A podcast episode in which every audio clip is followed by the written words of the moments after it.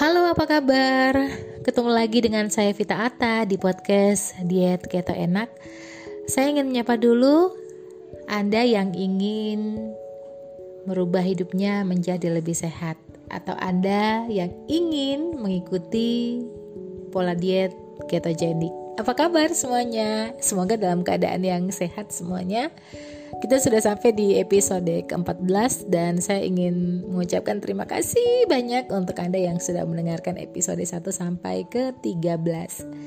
Hari ini saya ingin mengajak Anda untuk uh, mencari sebuah kata di Mbah Google. Nah, coba deh cari kata kesehatan. Nah, kalau kita melakukan pencarian di Google, untuk kata kesehatan, mungkin kita akan menemukan itu berarti kondisi keadaan terbebas dari penyakit atau cedera atau bisa juga merujuk kondisi mental atau fisik seseorang.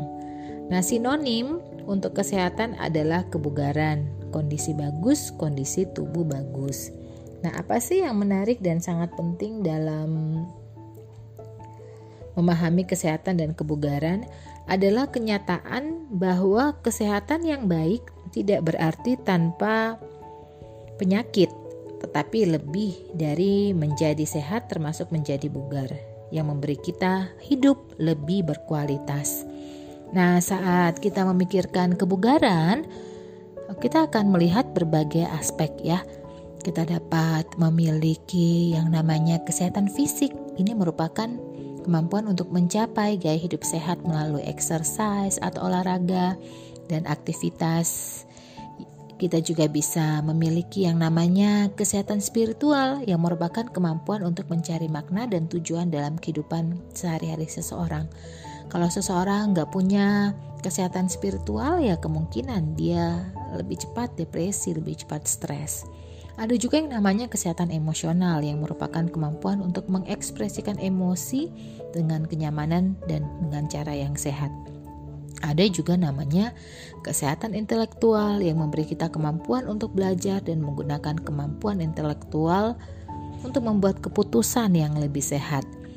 Dan kalau kita bicara tentang kesehatan yang lebih luas lagi, ada yang namanya kesehatan lingkungan. Ini merupakan kemampuan untuk menghargai lingkungan eksternal, dan meningkatkan kondisi.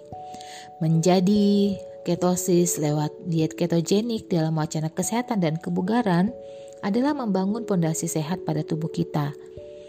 Orang dengan kondisi ketosis seperti saya dan juga teman-teman yang sudah ikut di klub diet keto enak, ini tidak lebih dari manusia biasa lengkap dengan segala kekurangannya dan kelemahannya. Saat kami nih terpapar sel patogen seperti virus, bakteri, fungi yang sifatnya menginfeksi tubuh, kami nggak punya kendali. Nah, usaha dalam membangun kondisi sehat, pondasi yang lebih kuat ini menjadi tugas kita sehingga saat tubuh kita terpapar penyakit, tubuh kita bisa recovery lebih cepat. Dan ini saya rasakan sendiri ketika saya terkena DBD atau demam berdarah, saya recovery hanya dua hari dan sebenarnya saya tidak merasakan dampak yang begitu besar, lemas atau apa. Sepertinya biasa-biasa saja. Nah, kewajiban kita adalah selalu dengan kesadaran sendiri untuk mengontrol apa yang harus kita makan, mengatur waktu makan, aktif berolahraga, manajemen stres yang baik, dan tidak lupa tidur yang berkualitas. Ini penting banget.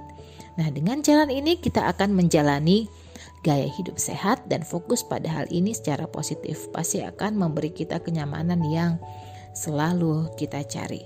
Demikianlah informasi saya untuk episode ke-14 dan terima kasih ya sudah mendengarkan. Kalau Anda ingin tahu lebih banyak tentang kami, Diet Keto Enak bisa langsung follow IG kita atau like fanpage kita di @dietKetoEnak atau kalau mau konsultasi bisa langsung WhatsApp di 0818 1894 Saya Vita Ata pamit dulu ya. Dadah.